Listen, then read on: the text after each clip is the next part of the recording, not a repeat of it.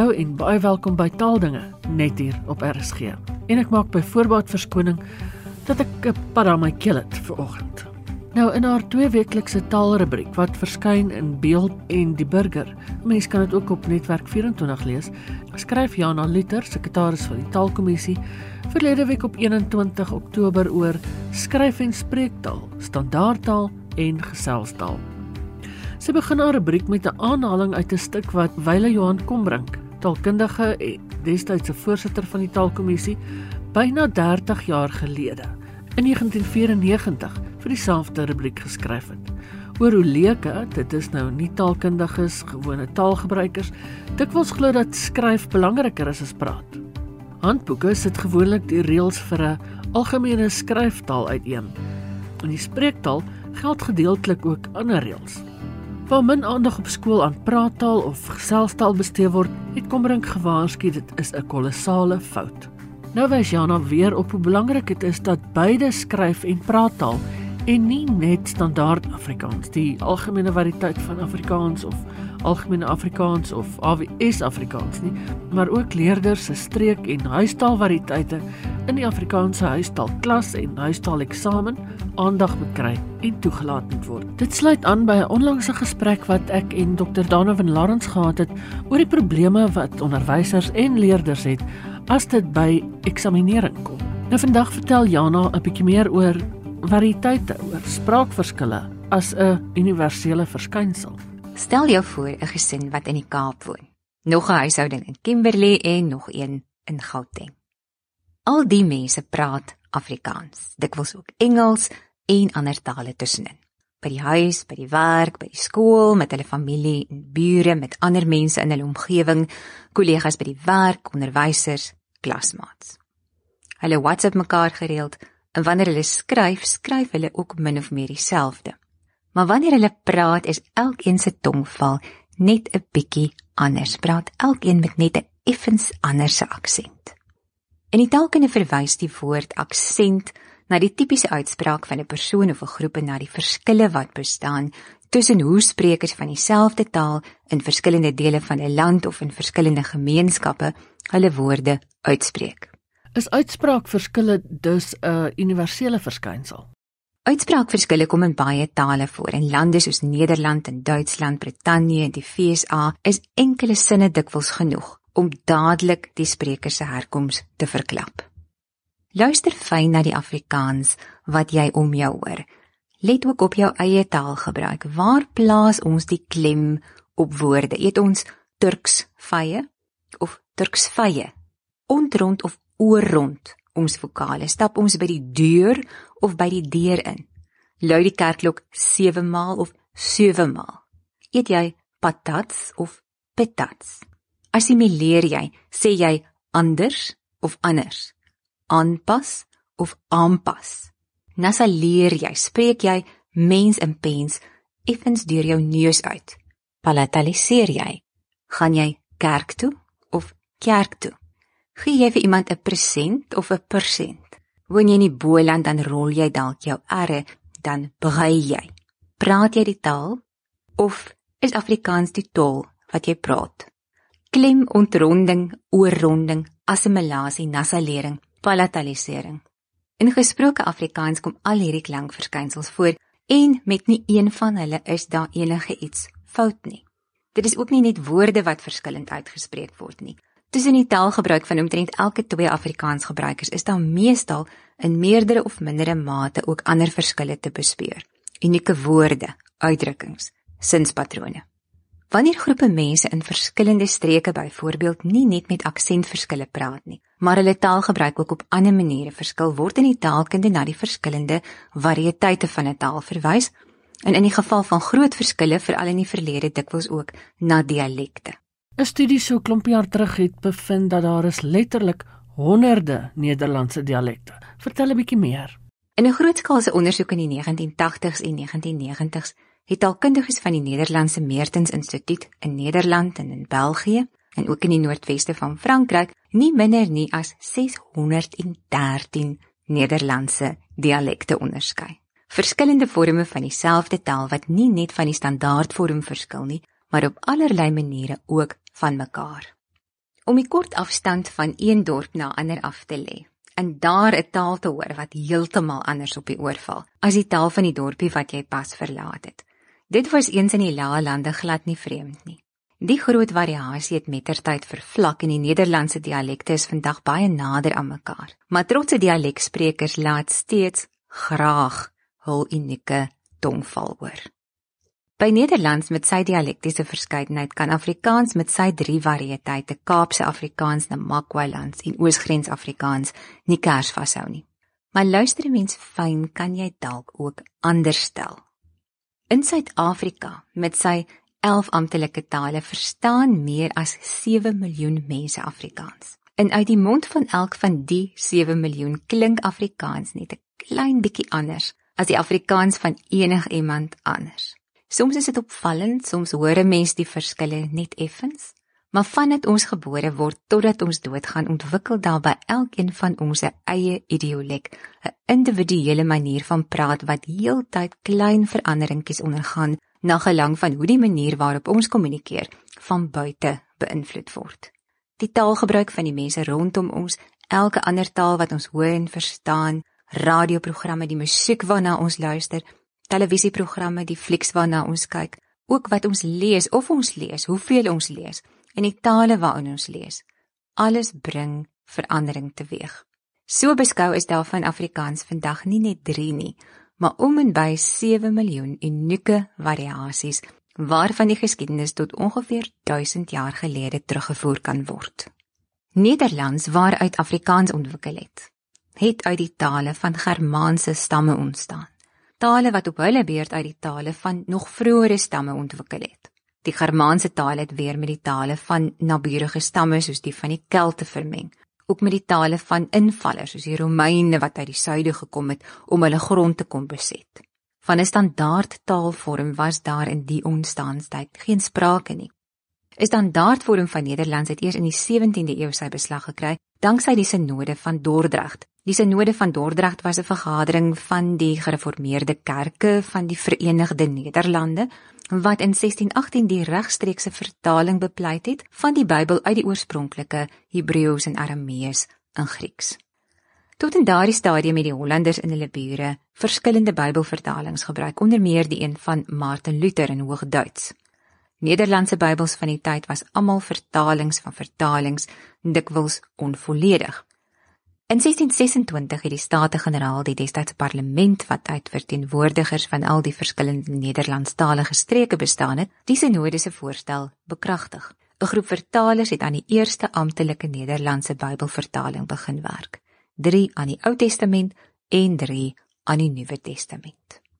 Die werk duur uiteindelik 11 jaar om te verseker dat die sprekers van die verskillende Nederlandse dialekte almal die nuwe Bybel verstaan, ontsyfer die ses vertalers en hulle nasieners nie net die brontekste nie, ook in die doeltaal moet hulle die hele tyd verskillende woorde teen mekaar opweeg, verskillende uitdrukkings en sinskonstruksies met mekaar vergelyk.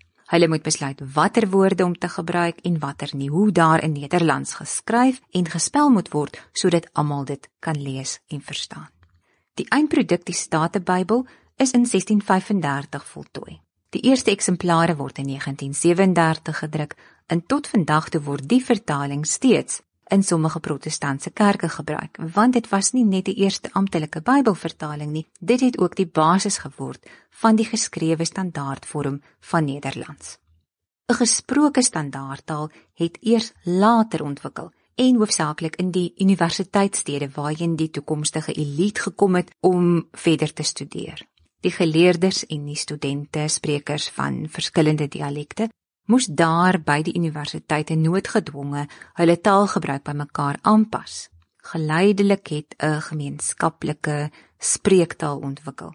En die afstuderende dominees en notarisse het die spreektaal met hulle saamgeneem na die plekke waar hulle hulle na hulle studie gaan vestig het En daar het hulle aansien as geleerdes daarvoor gesorg dat ook die plaaslike mense die dialeksprekers die variëteit wat van buite na hulle geografiese gebied gebring is, dat hulle dit as die standaardvorm van Nederlands begin beskou het.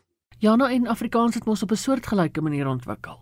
Aan die Kaap in die 17de eeu het Afrikaans op 'n soortgelyke manier ontwikkel uit die interaksie tussen sprekers van verskillende dialekte. Nederlandse VOC amptenare wie se Nederlands weer beïnvloed is deur Frans van die tyd, maar veral ook matrose, gewone Nederlandse matrose en ook soldate. Duitsers het gekom, seelui van oral oor by die skepe wat die Kaap aangedoen het, die sogenaamde vryburgers, grondbesitters van verskillende nasionaliteite. Daar was die inheemse Khoikhoi, San groepe, Hugenote uit Frankryk het gekom, slawe uit Indonesië, Arabië, Afrika, Madagaskar. En baie van die slawe het na hulle onderskeie moedertale ook die sogenaamde Maleis Portugees van die tyd, 'n soort aanleerders Portugees gepraat. In die monde van al hierdie mense saam is Afrikaans gevorm as 'n omgangstaal en 'n spreektaal lank voordat dit 'n skryftaal geword het en vir die eerste keer 'n skryftaal in Arabiese skrif. Eers in die jongste verlede in die afgelope bietjie meer as 100 jaar is Afrikaans doelbewus tot 'n skryftaal met 'n standaardvorm vir gebruik in amptelike dokumente en nie fiksietekste ontwikkel. Maar die standaardvariëteit is die een wat die wydste verstaan word. Die standaardvorm wat dan ook die standaardvariëteit genoem word, is ten opsigte van streekskenmerke die neutraalste vorm van die taal en die vorm van Afrikaans wat as oorkoepelende vorm gebruik word. Aan 'n teks wat in die standaardvariëteit geskryf is, is dit gewoonlik moeilik af te lei uit watter deel van die land die skrywer kom of uit watter sosiale groep. 'n Standaardvorm van Afrikaans word ook as gesproke vorm gebruik in toesprake aan universiteite, in howe en regspleging, ook in kerke in die verlede waarskynlik meer dikwels as vandag um in administrasie en die staatsdiens. Die standaardvariëteit is ook die vorm van Afrikaans wat aangebied word en onderrig word aan sprekers van ander tale wanneer hulle Afrikaans wil aanleer.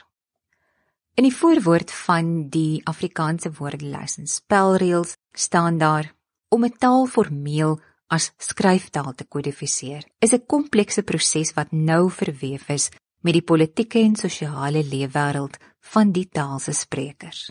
Oor die afgelope eeu het die Taalkommissie van die Suid-Afrikaanse Akademie vir Wetenskap en Kuns die taak gehad om Afrikaans as skryftaal te help vestig. Aan die een kant neem die Taalkommissie leiding deur reëls vir die eenvormige spelling en skryfwyse van Afrikaans aan gebruikers beskikbaar te stel. Aan die ander kant reflekteer die Taalkommissie se werk die altyd groeiende woordeskat segswyse en behoeftes van Afrikaans se skrywende gemeenskap. Die resultaat van die opdrag word telkens weerspieël in 'n nuwe uitgawe van die Afrikaanse woordelys en spelreëls as Afrikaans se oudste lewende taalhulpbron.